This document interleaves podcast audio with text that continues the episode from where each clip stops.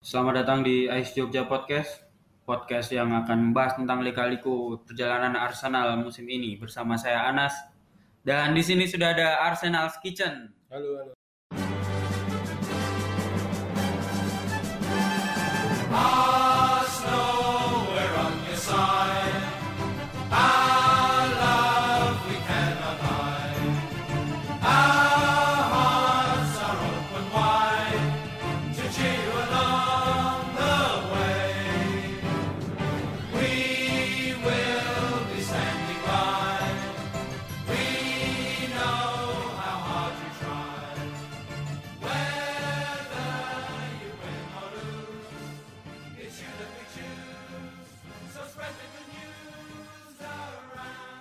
Kali ini di episode yang pertama ini kita akan membahas yang pertama tentang Oh ya baru saja ada berita tentang ini ya Mas. Nacho Nacho Monreal eh, hengkang ke Real Sociedad Hmm, Akhirnya resmi. akhirnya resmi setelah kemarin memang sebenarnya sudah di, sudah bisa diprediksi ya kemarin Udah sejak seminggu yang lalu sih.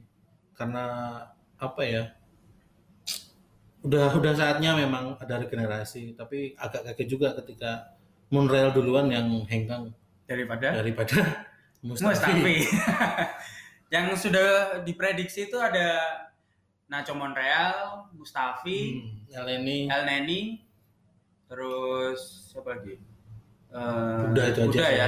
Tiga, tiga itu dulu. tiga pemain yang sudah menginjak umur 30-an. Hmm. Ya seperti Arsenal eh, budayanya ya seperti itu. Eh, eh El Neni sudah ya berarti? Elneny belum ada resminya sih, tapi hari ini udah sampai di Turki kayaknya. Terakhir saya lihat di Twitter itu dia posting Hmm. di dalam pesawat gitu. Iya, Ah. kayaknya udah mungkin nunggu peresmian aja sih. Hmm. Itu juga udah saatnya. Kayak yang aku tulis di artikel tayang hari Sabtu, Hmm. kalau memang Alen itu bukan pemain jelek sih sebenarnya, tapi yo nggak bagus-bagus juga. Jadi kayak dia itu semenjana banget itu loh. Nggak nggak punya nilai tambah yang dimiliki oleh pemain lain gitu. Kayak misalnya Joe Willock atau yang aku tulis juga Guendouzi kayak gitu. Jadi ya kalau dia hengkang nggak masalah sih. Cuma Nacho ini yang aku pernah nge-tweet kalau boleh Nacho dijual tapi di Januari aja karena Tierney dan Bellerin itu kembalinya kan Oktober. Oktober ya. Ah. Meskipun kabar terbaru nyebutnya bisa sembuh lebih cepat di September. Tapi kan habis cedera panjang itu proses menuju ke match fit-nya itu kan juga panjang. Hmm. Kalau Bellerin balik kan paling nggak Nile AMN ya. Hmm. Hensley itu bisa dimainin di kiri Hmm. untuk backup dari Kolasinac sebelum Tierney sehat ya. gitu. Kalau Nacho Monreal sebenarnya eh, kalau saya pernah baca tuh di Twitter nggak tahu ya pandit dari akun mana gitu, akun Inggris sih itu kayak digadang-gadang menjadi eh, kayak calon legenda gitu karena dia sering cetak gol di pertandingan-pertandingan besar, Hmm, iya. terus konsisten, eh, fighting spiritnya juga masih oke walaupun umurnya udah nggak muda lagi. Sebenarnya juga dia kan jadi bagian dari tim Arsenal yang mediocre lah ya, tanda kutip ya. Ya, kala itu. Kala itu waktu apa ya? Ketika pemain-pemain senior ya performanya naik turun, Nacho Monreal tuh masih bisa stabil. Bahkan ketika dia secara dadakan main sebagai back tengah pun ya nggak baik, nggak bagus-bagus amat, tapi nggak jelek-jelek amat, nggak nggak sering-sering bikin blunder lah. Misalnya kayak Mustafi terakhir-terakhir ini atau Jenkinson, dan dia sadar dengan tanggung jawabnya sebagai pemain senior. Nah, jadi ada peningkatan lah ya. Maksudnya malah dia sadar terus berubah jadi pemain yang lebih baik. pemain yang bagus memang harus bisa adaptasi di banyak posisi sih, terutama back ya. Karena back itu kan kalau satu cedera dia harus punya backup. Sebenarnya kalau backupnya juga cedera, nah itu yang pusing. Jadi Seperti Arsenal. seperti Arsenal. Gitu. Dan Sebenarnya sebenarnya Arsenal punya Mustafi tapi untuk musim ini ya, Hmm. tapi seperti tidak punya backup. nah, nggak tahu itu gimana isi kepalanya itu kayak apa gitu. Maksudnya dia udah udah jadi apa ya bagian dari squad Jerman di Piala Jerman, Dunia gitu. juara. Yang, yang terus-terusan disebut sebagai oh ini back pemenang Piala Dunia, tapi ternyata dia juga nggak bisa sekonsisten yang diharapkan. dia itu tipe tipe tipe apa ya pemain senior yang nggak bisa sadar tanggung jawab gitu loh. Misalnya kayak ketika holding cedera terus eh, siapa kapten kita dulu? Kapten William Galas bukan ya? Siapa? enggak enggak. Sosial nih agak susah nyebut namanya karena perpisahannya itu menyakitkan juga.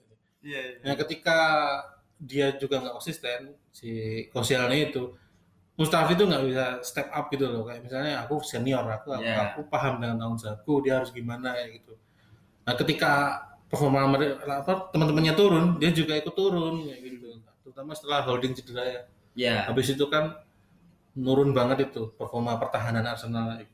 bahkan sempat nggak pernah clean sheet selama 20 pertandingan plus Musim lalu. musim lalu itu kayak ya ya wes ya wes lah itu musim Ya lalu lah ya Arsenal gitu maksudnya. Kita selalu punya ini gak sih apa Mas eh, kayak pemakluman gitu loh sama Arsenal. mungkin uh, ya ini dalam dalam dalam dunia kemungkinan ya Ya. mungkin ke bawah dari rezim yang terdahulu sih Wenger. kayak misalnya ya disebut kita susah duit makanya nggak bisa beli pemain yang bagus ya udah maklum dengan pemain yang ada kayak gitu dan diharapkan terutama pemain senior ya Iya. dan itu ditunjukkan dengan sangat baik sama Montreal Montreal. Gimana sih kamu harus bertanggung jawab dengan secara profesional dengan pekerjaanmu kayak gitu.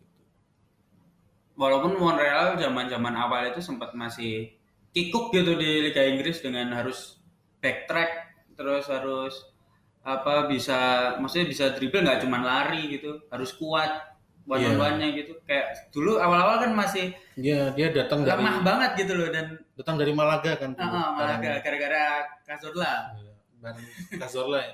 Iya dia datang sebagai back mediocre lah istilahnya ya. Pembelian panik bayi nggak sih? Enggak lah ya. ya lumayan, Lumayan sih waktu ya. itu Di- apa ya? Iya datang dengan status sebagai mediocre memang memang berat sih. Dan dia agak kikuk bener. Tapi ya bisa bisa beradaptasi dengan baik lah. ya dan akhirnya banyak yang muji Hmm, terutama konsistennya ya. konsistennya Konsisten. itu emang ngeri sih itu sih Montreal Harus terima kasih juga nih karena gol-golnya tuh selalu penting. ya itu Final tadi yang saya saya sebutkan di awal Terus lawan MU, MU City lawan City. Ya. Oke. Eh, Terus kalau El Neni tadi udah ya El Neni pemain yang sebenarnya nggak jelek tapi sudah seharusnya dan itu apa ya kredit khusus buat Sanlehi sih ya. hmm, Dia bisa masukin klausul 18 juta euro ke dalam klaus apa transfer El Neni itu loh. Teh. Oh, Kupikir itu kalau kabar itu benar ya kan Ah. itu kan nggak ada konfirmasi resmi. belum belum ada Belum ada. Kalau itu kalau itu beneran ya itu luar biasa banget sih. menjual El Neni seharga 18 18 juta. juta. Waduh, Gimana ya? Iwobi aja laku 40 itu kan kaget juga. keren sih itu kalau Keren. Iwobi 40. Sanlehi. Walaupun emang di Everton akhirnya ya membuktikan dia sih. Iya, iya, Iwobi. kayak gitu, Saya kemarin lihat bagus sih mainnya. Ya lawannya siapa dulu? Enggak, pertandingan pertama jadi apa pemain pengganti itu lumayan. Lumayan. Terus lawan Lincoln kemarin cetak gol. Iwobi itu sebenarnya gimana ya? Ya nggak jelek-jelek amat sih. Cuma kadang dia itu asik dengan dunianya sendiri gitu loh di lapangan itu. Dia ini mungkin eh, berimajinasi menjadi seorang J. Okocha. Mungkin iya panutannya kejauhan sih meskipun itu omnya sendiri ya. Iya. Kalau di lapangan gampang kehilangan bola itu apalagi kalau Arsenal ketinggalan gitu ya. Kan nggak boleh buang terlalu banyak waktu dengan bola. Iya. Ya memang butuh pemain yang bisa istilah di bahasa Indonesiain aja ya. Hmm. istilahnya melakukan penetrasi ke kotak penalti pakai teknik dribblenya itu ya memang dibutuhkan tapi kadang dia terlalu over sih lebay lah. Harusnya di passing harusnya di crossing dia masih berusaha ngelewatin pemainnya gitu. Jadi dia masih belum bisa menentukan kapan aku harus sirkulasikan bola kapan aku harus keep kapan harus passing kayak gitu. Nah itu meru- merugikan di beberapa kejadian tapi ketika performanya bagus performa timnya bagus nah dia memang bagus Iya ternyata. sih, bagus. masalahnya Arsenal tuh di situ. Jadi ketika performa tim jelek eh, jarang ada satu pemain yang bisa ngangkat secara langsung di pertandingan itu. Jadi kalau satu jelek semua ikut jelek. Kalau semua jelek yang satu yang hasilnya bagus ikutan jelek. Kayak gitu. Betul betul betul. Terus kalau Iwobi itu tapi perpisahannya lumayan, Chef. Maksudnya terakhir mencetak gol di final Europa League. ya ya itu kalau dia masuk di saat yang tepat terus dia dapat ruang yang enak kayak gitu bi- kelihatan bagusnya ya. Kelihatan bagusnya. Tapi kalau dia main sejak awal dan performa tim sejak masih performa tim sedang jelek-jeleknya ya dia ikut jelek. Eh, ngomongin tentang transfer Arsenal, eh, ada pemain baru Hmm. di Arsenal ada tiga pemain ya, Pepe, Martinelli, sama David Luiz. Hmm. Sebalos juga. Sebalos, oh ya Sebalos karena pinjaman ya dari Madrid. Ini enaknya bahas bahas Dari PP aja. dari PP ya. ya, PP. Ini nyambung ke Iwobi tadi. Jadi Hmm. Arsenal itu kekurangan pemain yang bisa apa ya ngangkat performa lewat kemampuan individunya. Nah Iwobi itu kan ikut arus istilahnya. ya. Kalau arusnya jelek dia ikut jelek. Nah PP itu diharapkan jadi pembeda dan dia punya kemampuan itu. Nah dia lebih komplit sih eh, sebagai pemain yang main dari sisi, sisi lapangan ya. Hmm. Eh, mulai dari cara bertahan dia dia sadar cara bertahan dia Hmm. bisa terus dia tahu kapan harus keep bola biar teman-temannya naik dulu ke lawan Liverpool kemarin kan Iya. dia gimana dia mempertahankan bola di sisi lapangan kelihatannya cuma kayak ngelewatin pemain aja tapi sebenarnya dia ngedelay Ngedelay bolanya Ketika biar teman-teman nyari ketika ah, ruang, nyari terutama posisi. Sebalos dan PP eh Conor PP dan Aubameyang Ya, ah. dia nunggu teman-teman teman-temannya naik. Nah kalau dia maksa langsung nerobos, dia akan langsung head to head sama back kirinya Liverpool, Robert Ah, Robertson Robertson. sama Van Dijk. Van Nah itu lawan satu Van Dijk aja susah kayak gitu. Apalagi lawan dua pemain. Ya, dia secara secara pinter lah sebenarnya. Ke delay dulu. Terus ketika ada saatnya dia harus ngedobrak pertahanan lawan dengan dribblenya, dia lakukan itu ketika serangan balik Ya. ketika dia ngelewatin Robertson dan satu lawan satu dengan Adrian biasanya memang belum sepenuhnya fit ya Iya. kan kelihatan dari finishing touch-nya dia gimana kayak gitu Hmm. ketika dia bisa fit saya pikir dia bisa di apa ya marquee player misalnya ya Market player ya. Player. jadi, jadi pembeda jadi pembeda di saat yang dibutuhkan kayak gitu ketika main di Lille nyebutnya gimana sih Lille. Lille ya aku sempet nonton dua pertandingan apa ya full match. Ketika dia main jadi second striker. Dan dia turun sampai ke lapangan tengah gitu dan dia nggak nggak sampai turun banget sih. Jadi dia memaksa gelandang lawan itu waspada gitu loh. Hmm. nggak terlalu maju gitu. jadi musuh itu akan kekurangan pemain di depan. Ketika serangan balik dia kan punya keunggulan satu lawan satu istilahnya ya. Eh, superior banget gitu loh. Kelihatan dia langsung bisa nerima bola balik badan dan sprint ke kotak penalti. Betul. Nggak jadi gol tapi dia bikin assist aku lupa lawan siapa kayak gitu nah kayak gitu di saat-saat momen-momen penting itu butuh pemain yang kayak PP gitu dan itu yang kemarin belum ditunjukkan Iwobi sih ya meskipun dia masih muda dan layak diberi Selama kesempatan, bermusim-musim di Arsenal ya, padahal kan Ya. dari, dari kecil dia dari Dari 8 kecil. tahun kalau nggak salah. sayangnya itu Homegrown lagi, tapi Bro. walaupun awal-awal itu saya ingat dia eh, debut, ah debut nggak cetak gol, tapi habis itu lawan kalau nggak salah lawan Swansea dia pertama kali cetak gol tuh udah kayak wah banyak yang menggadang-gadang ini bakal jadi pemain sayap yang bagus gitu. Hmm. Tapi di perjalanannya ya seperti itulah. ya mungkin Iwobi itu kayak harus kedatangan pemain baru gitu tipe pemain baru yang inverted winger tapi modelnya yang bukan winger murni jadi Hmm. bukan kayak Robin kaki kiri main di kanan kayak gitu Iya, iya. ya dia memang kaki kiri main di kanan tapi bukan apa ya istilahnya kayak wide playmaker kayak gitu loh kan model-modelnya Oh iya, kayak dia gitu. lebih lebih ke playmaker sebenarnya ya. Dan yang menarik lagi itu sebenarnya yang patut disayangkan ya Mm-mm. kenapa Emery nggak pernah nyoba dia di nomor 10 kayak di timnas Iya betul betul. di timnas dia kelihatan lumayan sih ya nah itu aku penasaran sih gimana kalau coba Emery main mainin dia di nomor 10 Dan Karena belum pernah ya. belum pernah sih jadi mainin sebagai nomor 10 itu sebenarnya bukan bukan tugas yang spesifik kok kamu jadi playmaker kayak gitu enggak kamu main sebagai nomor 10 enggak tapi harapanku sih misalnya dia main mengawali pertandingan dari sisi kiri tapi Hmm. tapi nanti dia geser ke tengah kayak gitu jadi di belakang striker kayak gitu lihat kemampuannya itu kayak apa selama 90 menit kayak gitu itu kan jarang terjadi Iya. jarang. Karena Arsenal punya Ozil. Wah, udah udah penuh ya, waktu itu udah Masalahnya di situ. Dan Emery kan lebih suka main dari sisi lapangan ya. penuh. Iya. Waktu dari sejak di Sejak di Sevilla. sejak di Sevilla Iya. dibawa ke PSG. Ya dia butuh. Dia senang dengan winger-winger yang cepat, Mm-mm. gelandang-gelandang bertahan yang gede-gede gitu. Itu kan beberapa eh di Atletik itu eh, dijelasin Emery itu sebenarnya kan nggak mau beli Torreira karena kecil segala macam. Emery kan seneng yang kayak Enzonzi yang gede, Iya. Rabiot. Kondogbia. Di Sevilla. Tapi dia berhasil diyakinkan sih sama tim analis Arsenal gitu. Oh ini lebih komplit dan lebih bagus daripada gelandang-gelandang gede yang diinginkan Emery. Karena mungkin Arsenal mungkin waktu itu kayak masih mempertahankan eh, budayanya Arsenal yang sebelumnya kan punya Coquelin, Ya. Danielson. Ya. Jadi harus ada gelandang kecil di tengah. Wilshere itu kan Iya. juga kecil. Nah, ngomong-ngomong soal gelandang ini kan ada yang baru nih, Sebalos. Saya balas. Ke di dua pertandingan awal sih tak kasih nilai 8 ya. Nah, Tapi lawan Cukup Liverpool bagus. Lawan Liverpool bagus. bagus ya. Dia karena tugasnya itu dibatasi kan ya, kan bertahan. Kak dia tuh akan lebih menonjol di tim yang menguasai pertandingan kayak lawan Burnley itu. Burnley. Nah, ketika lawan Liverpool kan tugasnya lebih spesifik nih aja- apa namanya? deket dengan tiga gelandang di tengah biar biar padat di tengah gitu loh. Jadi dia nggak banyak kontrol bola, nggak banyak nggak banyak ikut nyerang kayak gitu juga. Iya. Kan nyerangnya channelnya cuma dua, Aubameyang sama Pepe. Iya. Waktu itu 4-4-2 ya.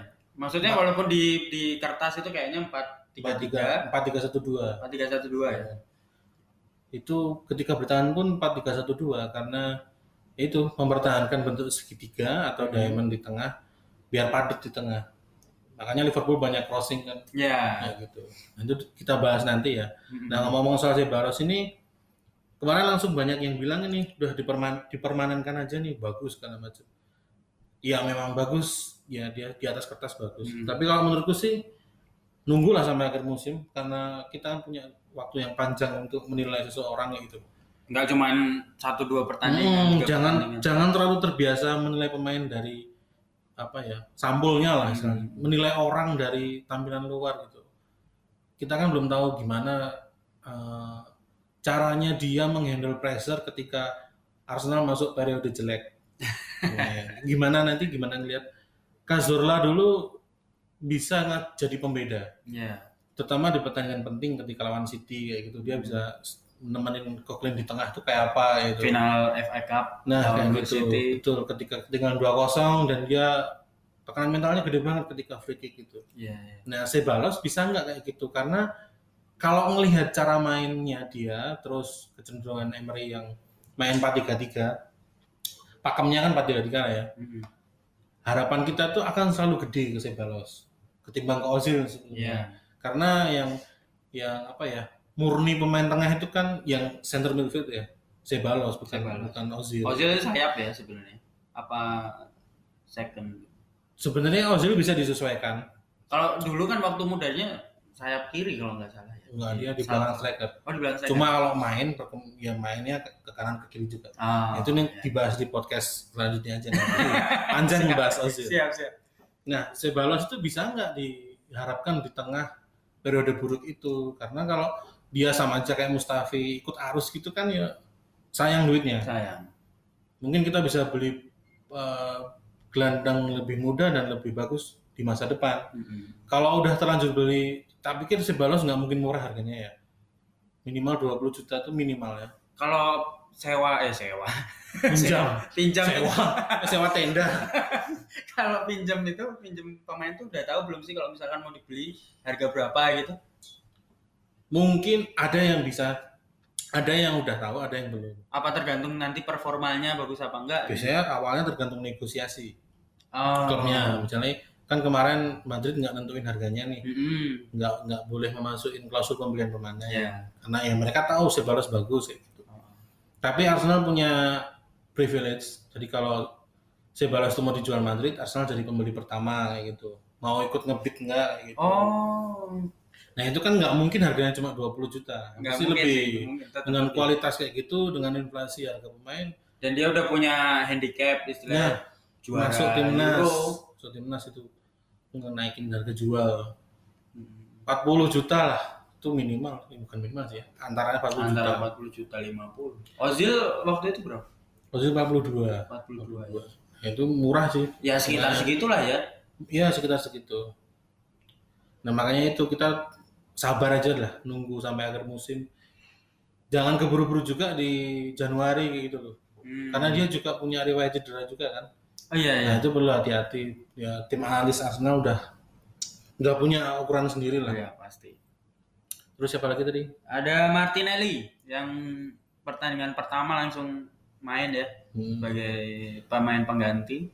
Sebenarnya ini sih kejutan yang menyenangkan nonton Martinelli itu di pramusim terutama. Ah ya terutama pramusim itu nyenengin banget saya.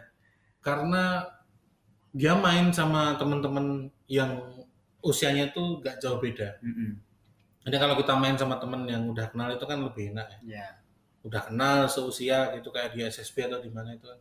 Nah, dia mungkin eh, datang di saat yang tepat ketika Joe Willock naik, Rice Nelson naik.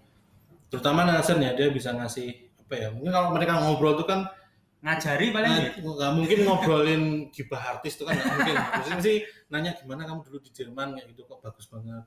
Apa yang kamu pelajari di Jerman? Iya, kan iya. mesti apa sih namanya Taktikal lah ya pasti yang diomongin kalau di dalam lapangan pasti gitu. tukar pendapat. mesti. Iya. Nah itu ngasih hal yang positif sih. Jadi Martinelli itu dia di dulu dia sebutnya striker ya, tapi waktu ngelihat rekaman videonya itu banyak main dari sisi lapangan. Hmm. ini sih dia kalau menurutku jadi sayap canggung, jadi striker agak bagus, agak ya, karena dia masih berkembang. Tapi kecil sih Oh, fisiknya. nggak masalah sih. masalah ya. Aguero kecil. Kecil. dia kalau aku bilang mirip ini Zaniolo di Roma. Oh iya. Jadi apa ya kalau lihat cara larinya tuh aneh gitu. aneh, aneh. Jadi winger tuh aneh tapi cepat kayak gitu. Aku sempat nge-tweet Roma itu kalau bingung nyari striker Zaniolo aja jadi striker. Karena dia finishing touch-nya lumayan bagus. Iya, iya. sudut-sudut sempit apa gaya-gaya mencetak gol yang aneh tendang sambil Instingnya ya. membalik ya.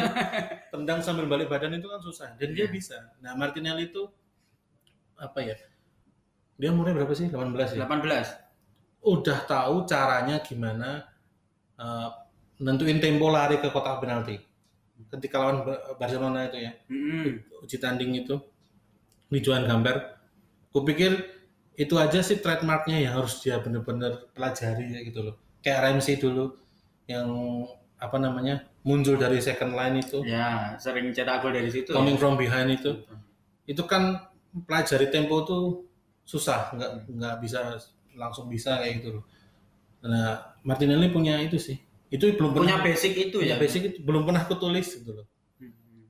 karena belum ada momennya sih aja sih. Tapi kalau aku nulis, aku akan ngomong kayak gitu. Dia nggak usah mempelajari banyak teknik. Mm-mm. Striker itu kan finishing. Kalau dia memang mau diproyeksikan striker ya, finishing sama ma- belajar tempo itu aja sih. Jadi dulu waktu Walcott masih bagus-bagusnya dan dia ngotot jadi striker, Ya. aku sempat bikin analisis pakai video tuh di arsenalkitchen.com Nah, kayaknya masih bisa diakses. Gimana memanfaatkan Walcott yang kecil di dalam kotak penalti? Aku kasih penjelasan itu. Dia nggak boleh statis. Dia harus selalu gerak segala macam. Dan teman-temannya harus menyesuaikan. Kan main secara tim ya. Iya. Martinelli itu kayak gitu. Dia nggak boleh statis. Dia harus gerak terus di dalam kotak penalti atau mungkin di sisi lapangan. Cocok untuk possession base kayak Arsenal Ya. ketika main main possession football ya Nah, dia mulai lari dari sisi lapangan nyari celah untuk masuk kayak gitu itu kan harus belajar juga ngelihat perkembangan pertandingan kayak apa nah, itu kupikir dia punya kemampuan itu sih tiga empat tahun lagi tapi kita bisa ngelihatnya Tapi mungkin di di camp latihan Arsenal mungkin Martinelli di di apa? Disuruh lihat Walcott dulu ya. enggak lah jangan contoh yang buruk gitu Contoh yang buruk ya. Jangan, jangan, jangan. kemudian nonton video rekamannya Victor tuh. Iya. Gitu. Oke. Pas cetak gol ke gawang MU. kan mirip-mirip juga itu dia Oh iya, gaya mainnya gaya kan mainnya canggung aneh itu aneh aneh. tapi tajam. aneh banget sih. ya. nah itu terus eh, dia dari Brazil ya nggak tahu orang Brasil tuh diberkahi Tuhan banget sama talenta sepak bola itu Iya. ya. Jadi dia punya apa ya? Langsung kelihatan PD-nya gitu loh. Ya pede. Saya saya juga yang saya notice itu kepedeannya dia. Langsung PD. Itu bagus banget Di kayak pramusim apalagi ya itu kelihatan banget. Dia bisa lari dari tengah ke Hmm. pas lawan apa? Yang dari Amerika itu. ya, kalau nggak salah. lupa aku. Nah, itu dari tengah dapat umpan terus dia lari Heeh. one on one sama kiper. Ya itu dia tipe-tipe striker jenis baru dari Brazil lah. Yang bukan banyak banyak gaya, banyak trik kayak gitu kayak Ronaldo, Neymar. Nazario, kayak Neymar. Jadi dia tipe-tipe baru kayak Richarlison kayak gitu. Hmm, hmm. Ya, itu bagus. Lebih tegas gitu ya maksudnya. Ya. Lugas, lugas ya. Nanti kalau fisiknya udah berkembang baru kelihatan sih. Ya tiga tahun lagi lah. 21 ke atas itu Hmm. baru kelihatan matangnya kayak apa nanti. Terus lanjut. Oke, Martinelli udah terus eh, Arsenal juga mendatangkan back kawakan David Luiz. David Luiz. Gimana sih David Luiz? Kemarin dari media mana ya?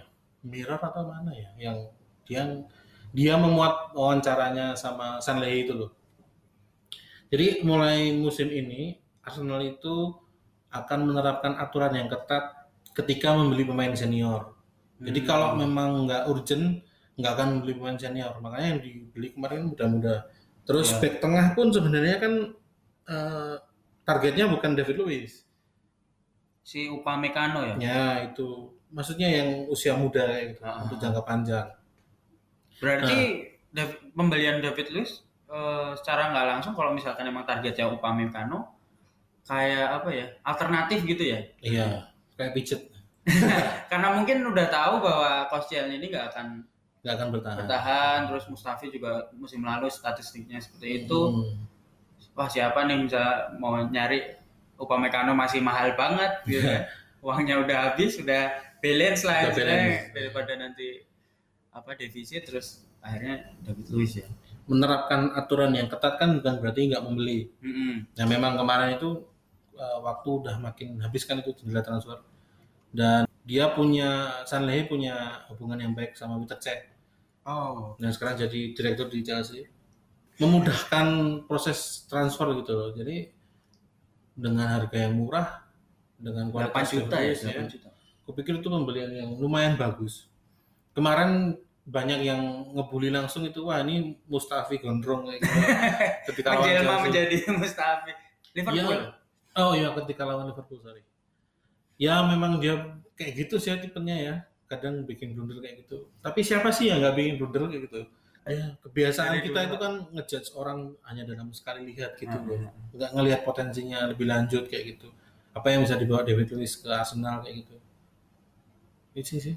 tapi sebenarnya Bagus. emang ini sih ya bagus maksudnya awal-awal eh lawan apa ya per- pertandingan lawan apa ya Burnley. Burnley itu apa umpan-umpan apa ya namanya yang dari belakang ke Ya, depan itu direct bisa- pass. nah direct pass-nya itu udah kelihatan gitu dan itu kan emang ability-nya si David Luiz kan Yang cocok juga ketika Arsenal main bertahan kayak lawan Liverpool. Heeh.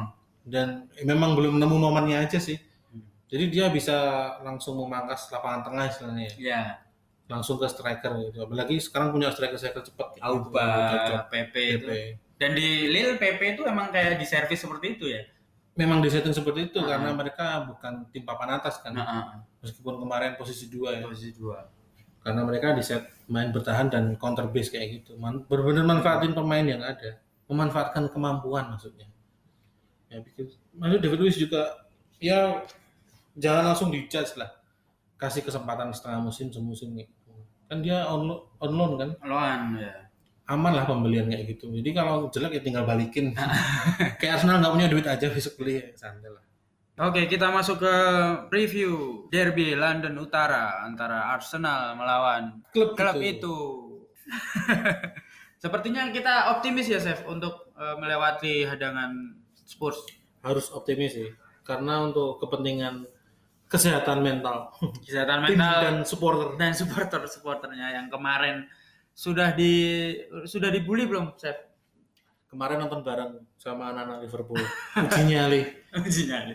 Dan di, di Twitter itu loh, Chef, apa eh Ice Jogja itu di mention mention sama eh, Re- Big Reds, di mention sama apa CISE Jogja gitu. Oh, ya. katanya ini apa?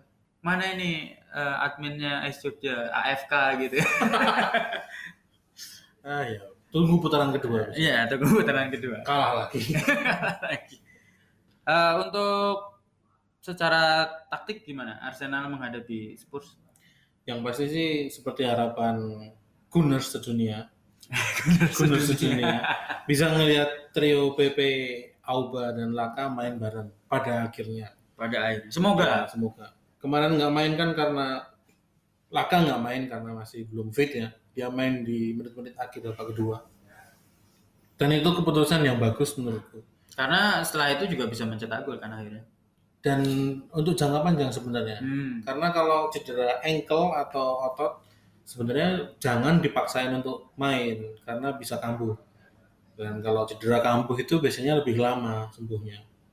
Dan akan kayak membekas itu loh, nggak bisa sepenuhnya sembuh.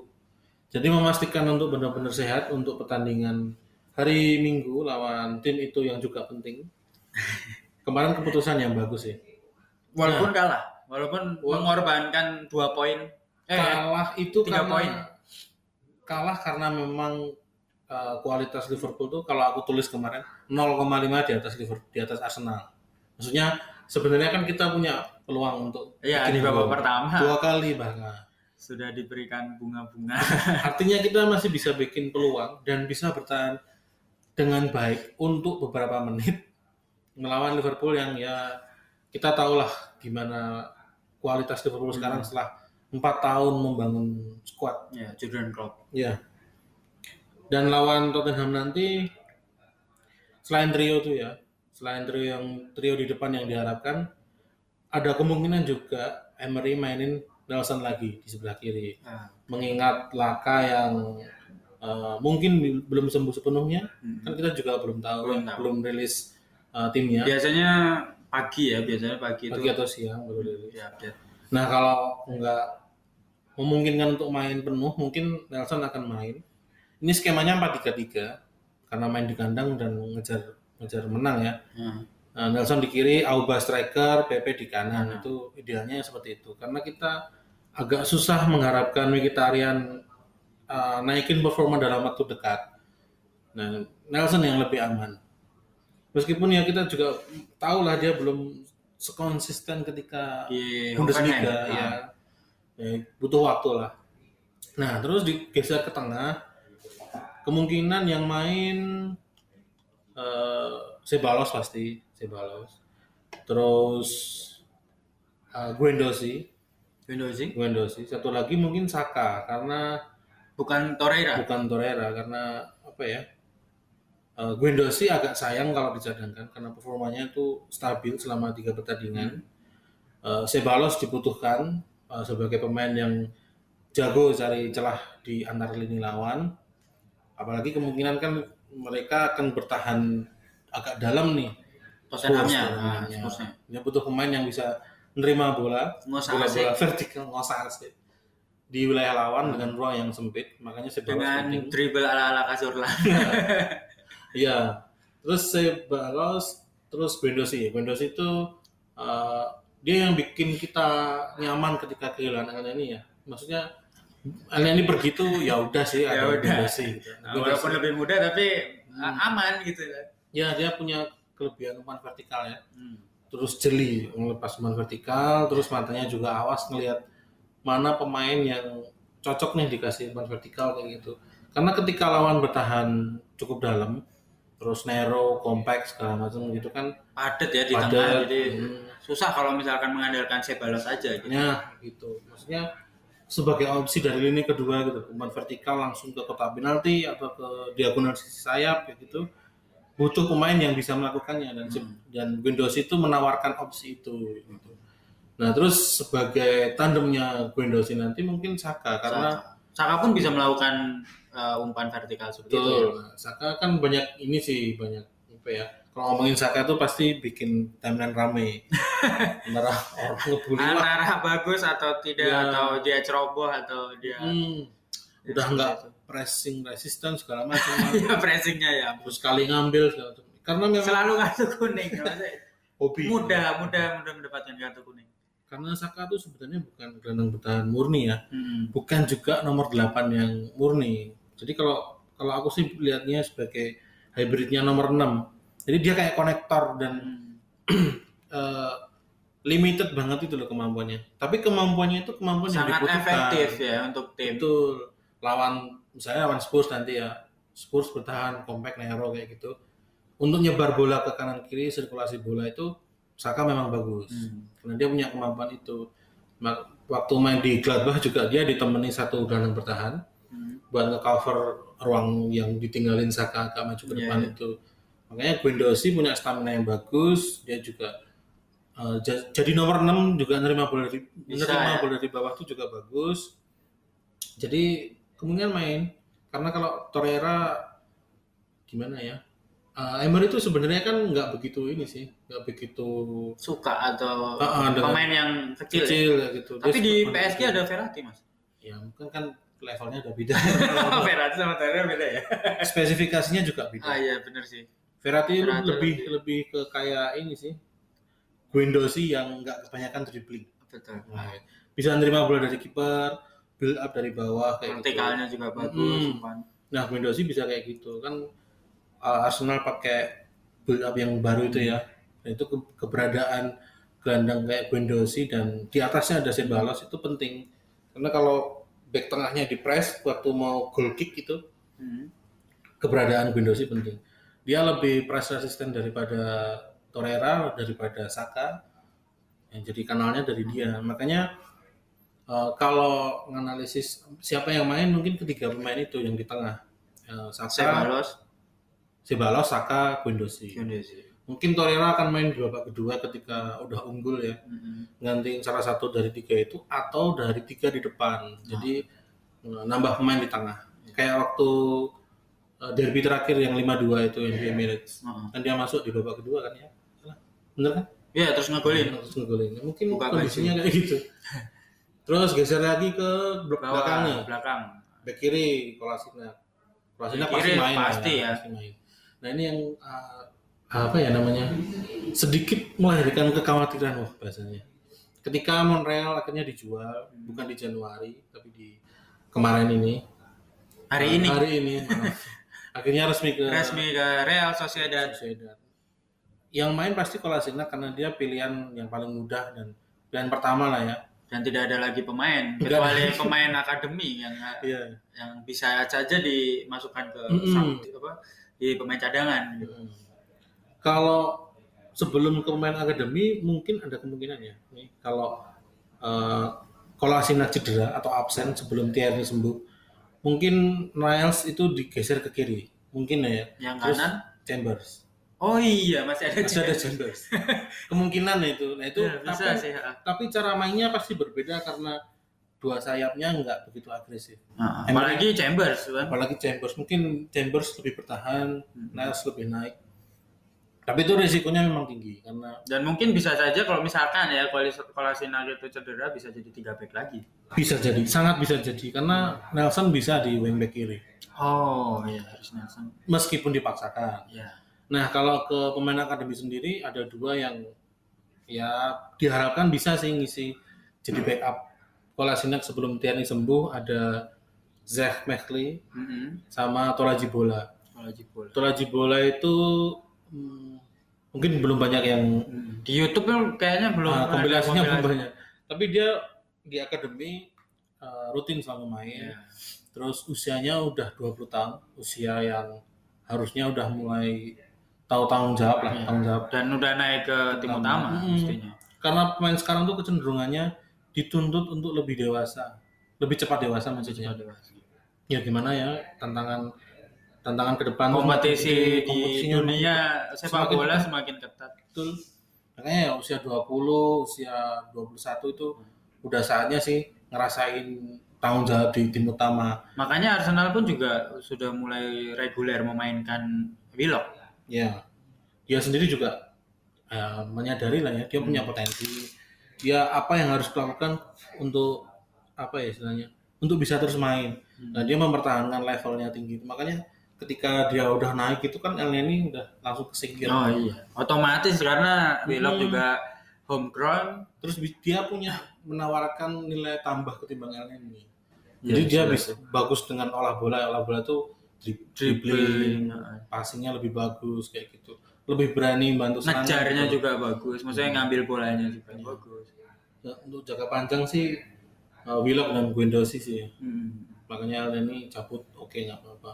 Nah terus itu tadi tuh Raji bola ya.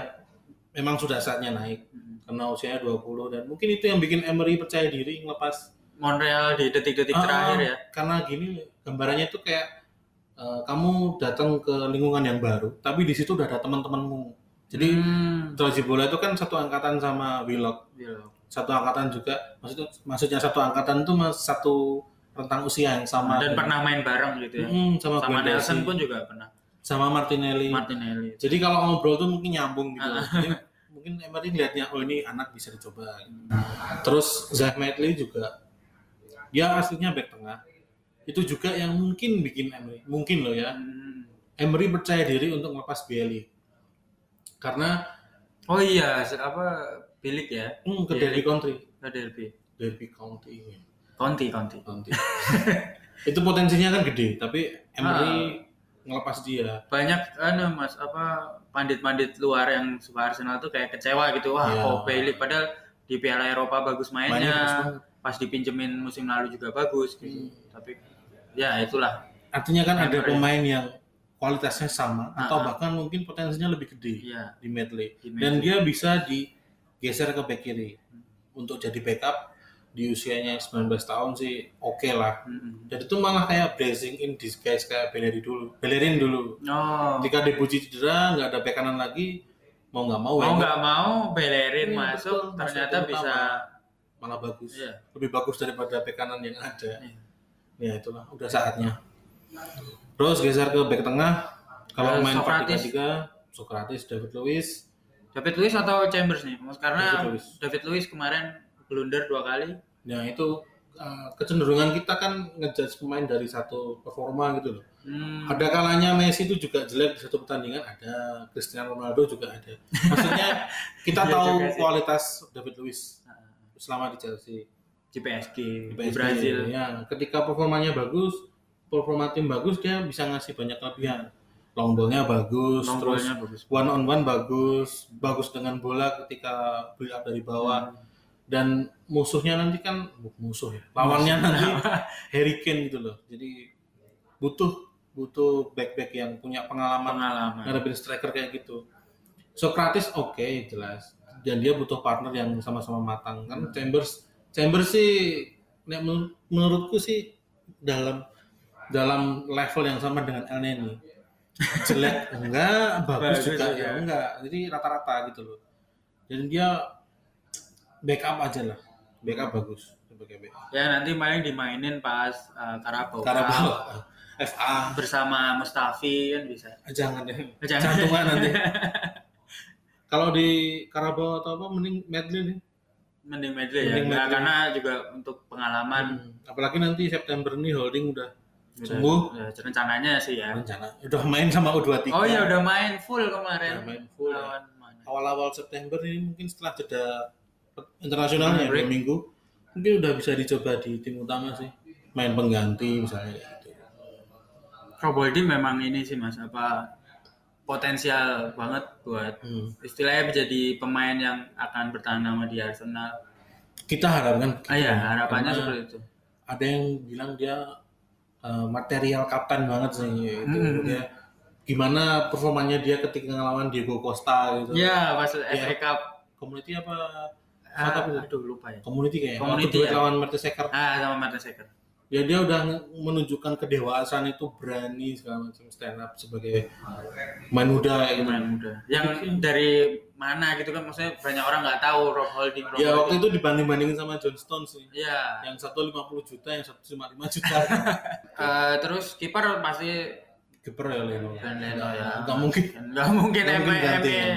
Martinez nggak mungkin. Nah ini ada kemungkinan eh, Arsenal mungkin main dengan komposisi yang beda ketika Nelson main. Tadi yang aku jelasin sebelumnya ya. Karena eh, memaksakan pemain di pertandingan dengan intensitas tinggi itu berisiko. Terutama ya. Ya. Jadi nanti kalau eh, line up keluar dan kok nggak ada Lacazette jangan jangan gumunan gitu jangan heran terus nyala nyalain Emery gitu. Karena pelatih dan tim analis yang lebih tahu gitu. Tapi kemarin sudah sempat ini ya Emery out. Di Twitter. nah, itu enggak. Sudah sudah ada. kayak gitu dikurang-kurangin lah. Klopp aja butuh empat tahun. Kan maksudnya kita udah punya pembanding gitu loh. Pembanding yang positif. Liverpool kan juga Tuh. bongkar pasang ya. Maksudnya enggak yang yang bagus dipertahankan, yang Hmm. kurang juga di bahkan Guardiola di musim pertama kan hancur itu bukan Oh, City eh, kurang bagus kurang bagus. Yang prediksinya wah pasti juara nih kalau Pep Guardiola tapi ternyata enggak. tetap butuh waktu. Ya, tetap di musim kedua baru bisa juara. ini kupikir masih sampai musim ketiga sih gonta ganti pemain karena kalau 2000 dari 2017 tuh kita bisa tahu yang keluar siapa aja Theo Walcott, Mm-mm. Jack Wilshere, terus yang nggak kepake lagi siapa sih? Al Neni itu. El Neni yang sekarang Ramsey, Ramsey. Jenkinson, Lee Steiner segala macam, Peter Cech. Peter Cech. Maksudnya sekarang dalam proses pengga- penggan- pergantian pemain. Hmm. Kalau aku yang tulis, aku menulis hari ini, Arsenal itu sedang berusaha ganti tulang punggung mereka untuk masa depan gitu loh. Jadi memang ini proses dan ya sejak dari Wenger, sejak dari Emery itu semua proses dan harus mau nggak mau harus dengan sabar ditunggu. Wenger pun kasih sebenarnya udah melakukan itu zaman zaman itu walaupun akhirnya tidak pernah Hmm. hanya mendapatkan FA Cup ya di yang jadi masalah kan Wenger terlalu lama mempertahankan pemain-pemain yang sebenarnya udah harusnya udah nggak di level atas lagi gitu loh. Karena rasa sayangnya, ya ini kita nggak bisa nyalain dia lagi. Iya. Makanya kasih kasih- kasihlah yang beri kesempatan, jangan jangan berpikiran terlalu pendek. Kemarin juga Saka bilang kan, aku nulis juga, dia wawancara dengan Mirror tuh bilang, "E, mungkin 4 tahun lagi ketika Arsenal tuh bisa nyampe ke levelnya Liverpool yang sekarang. Oh, Maksudnya persaingan juara gitu loh. Iya. Karena karena dia dia ngalamin sendiri ya di dalam squad, dia pemain gitu. Iya. Dia lebih tahu daripada kita kan. apalagi pelatih yang Nah. setiap hari Iya. masih memikirkan timnya daripada kita penonton yang memikirkan tim hanya sebelum pertandingan, nah, setelah pertandingan mungkin juga udah lupa Udah apa. lupa.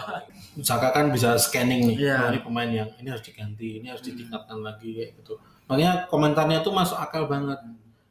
Seperti yang aku tulis juga, meskipun dia ngasih deadline 4 tahun lagi nih, Hmm. tapi kan yang namanya ngerjain tugas tuh bisa selesai lebih cepat. Nah, Kalau aku sih pede lah, 4 tahun Emery itu paling nggak satu piala mayor lah.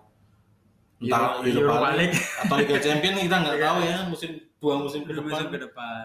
Atau bahkan Liga Inggris itu Liga bukan Inggris. sesuatu yang mustahil karena Iya. kalau lihat peta kekuatan Liga Primer sekarang eh, seperti MU masih seperti itu, Spurs juga masih ada masalah di internalnya, Hmm. Chelsea masih adaptasi dengan Lampard dan tidak punya pemain Nggak baru, bisa beli lagi. nggak bisa beli di band. Ya, Ya tersisa City dan Liverpool yang istilahnya sangat mengerikan. Hmm, masih belum bisa dilewati lah untuk selama- untuk musim ini paling nggak. Ya itulah. Masih percaya diri lah. Kalau dari sedikit mencuplik squad Spurs untuk Oh iya. Spurs banyak ditinggal pemain karena cedera ya. Dombele cedera, Eric Dier, terus Walker Peters cedera, Aurier cedera, Dele Alli cedera.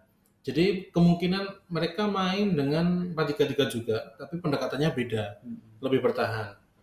Sisoko mungkin akan dicoba di bek kanan karena nggak ada lagi yang bisa. cuma ada Sissoko ya. Atau tapi mungkin aneh tapi kalau Sissoko kan. Mereka main 3 back juga bisa. bisa. 352 Sisoko back sayap kanan itu juga bisa terjadi. Terus di tengah Harry Winks dan Erikson yang masuk akal itu Walaupun Erikson minggu lalu tidak main dari tidak main dari awal awal. ya. Nggak tahu mungkin nggak cedera juga ya. kalau dia mungkin mas mau ke Madrid atau Mungkin bertahan. kembali. Mungkin akan, dimainkan besok karena yang gelandang kualitasnya kelas elit kan cuma dia Iya. di Spurs. Dele Terus Alli Celso- ya? Dele Alli kan masih panjang cederanya. Lo Kelso, Lo Lo Kelso. Celso mungkin main di babak kedua karena Lamela lebih lama di Spurs. Terus Maura, Maura. Maura mungkin main juga karena ketika tim bertahan kan butuh kanal untuk nyerangnya. Kayak kemarin Arsenal Liverpool pakai Auba PP untuk nyerang. Mungkin eh, Spurs lawan Arsenal mereka pakai Maura di kanan atau Son di kiri. Kayak lawan City kemarin Oh iya. mereka butuh pemain-pemain cepat kayak gitu untuk dampingin Harry Kane. Hmm. kayak gitu mungkin bisa 4-3-3 atau bisa 3-5-2 3-6-1 juga mungkin karena yang penting buat Spurs kan nutup lini tengah Arsenal itu. Iya. karena kalau sebuah tim ingin ingin apa namanya main bagus dari sisi lapangan secara teori ya ini ya, dia harus bagus juga di tengah. Dia harus menguasai tengah dulu. Karena kalau kalau mau sirkulasikan bola kan sirkulasikan bola ke kanan dan kiri harus dari tengah dulu. Gitu. Begitu juga sebaliknya. Makanya mereka mungkin akan numpuk pemain di tengah. Kayak gitu. Kalau serangan arah serangannya mungkin arah arah serangan agak susah diprediksi. Agak bisa diprediksi Karena ya, harus- tergantung nanti di lapangan seperti Iya, apa kita ya. nggak tahu kejadian di lapangan kayak apa. Tapi kalau mau sedikit ngebayangin ya eh, karena back kanannya Spurs bukan back kanan asli mungkin Aubameyang nggak akan banyak nerima bola dari build up dari bawah. Karena dia sangat superior ketika satu lawan satu. Benar sekali. gitu jadi mau Aubameyang yang di kiri atau PP yang di PP kiri yang pasti kemungkinan ya ini bukan pasti ya kemungkinan akan lebih banyak nerima bola Hmm. jadi dari situ nanti progresnya dari sebelah kanan pertahanan Spurs.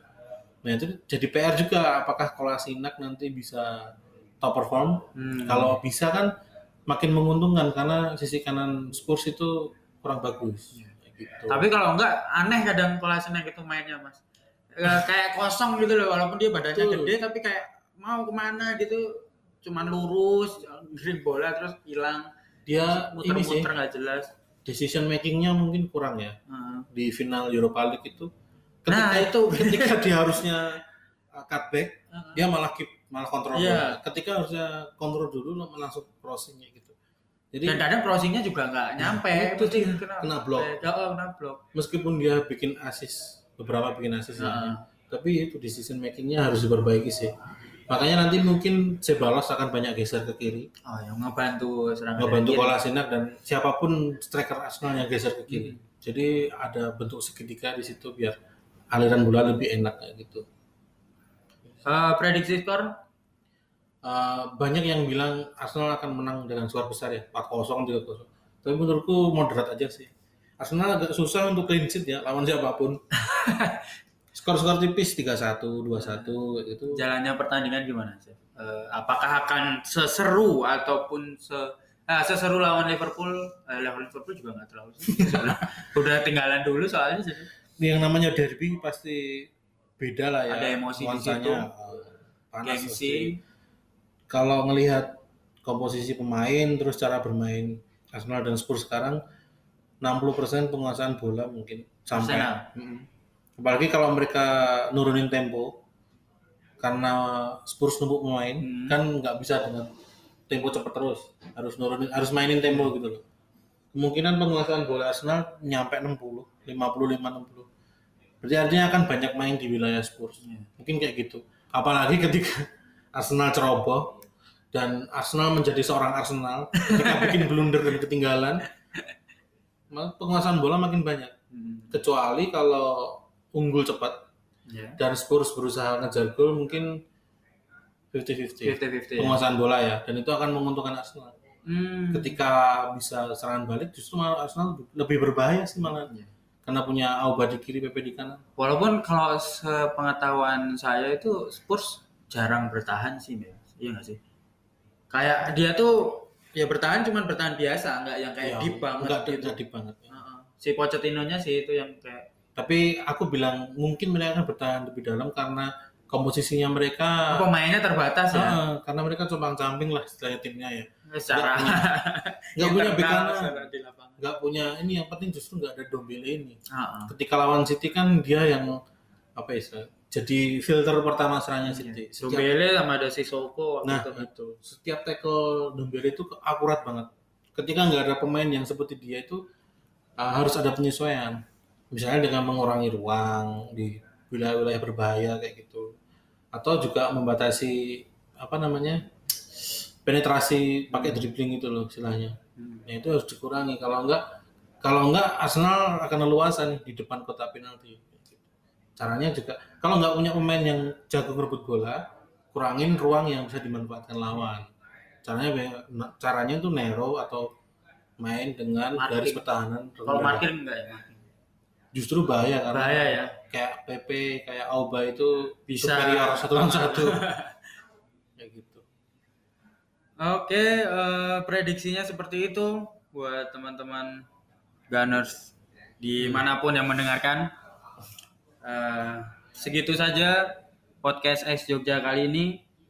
Terima kasih yang sudah mendengarkan. Sampai jumpa di podcast Ice Jogja selanjutnya. terima kasih Terima kasih.